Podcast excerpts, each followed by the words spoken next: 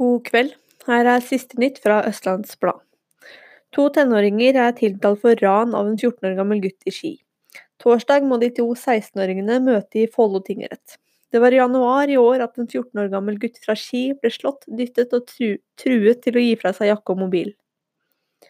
Turid på 79 reagerer på at grunneier Lars Juel flere steder i Nøstøtmarka har lagt på pukk som er så grov at hun må gå av sykkelen for å ikke velte.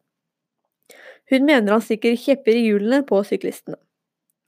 Og I kveld var over 500 deltakere med da Tour of Norway for Kids la turen innom Ski. Du kan se stor bildeserie og video på øb.no. I dag ble avtalen for Breivoll signert, og nå er utbyggingen for 25 millioner kroner helt offisiell. To personer er sendt til sykehus etter en frontkollisjon i Rikåstunnelen mandag ettermiddag. Tre biler var involvert i ulykken.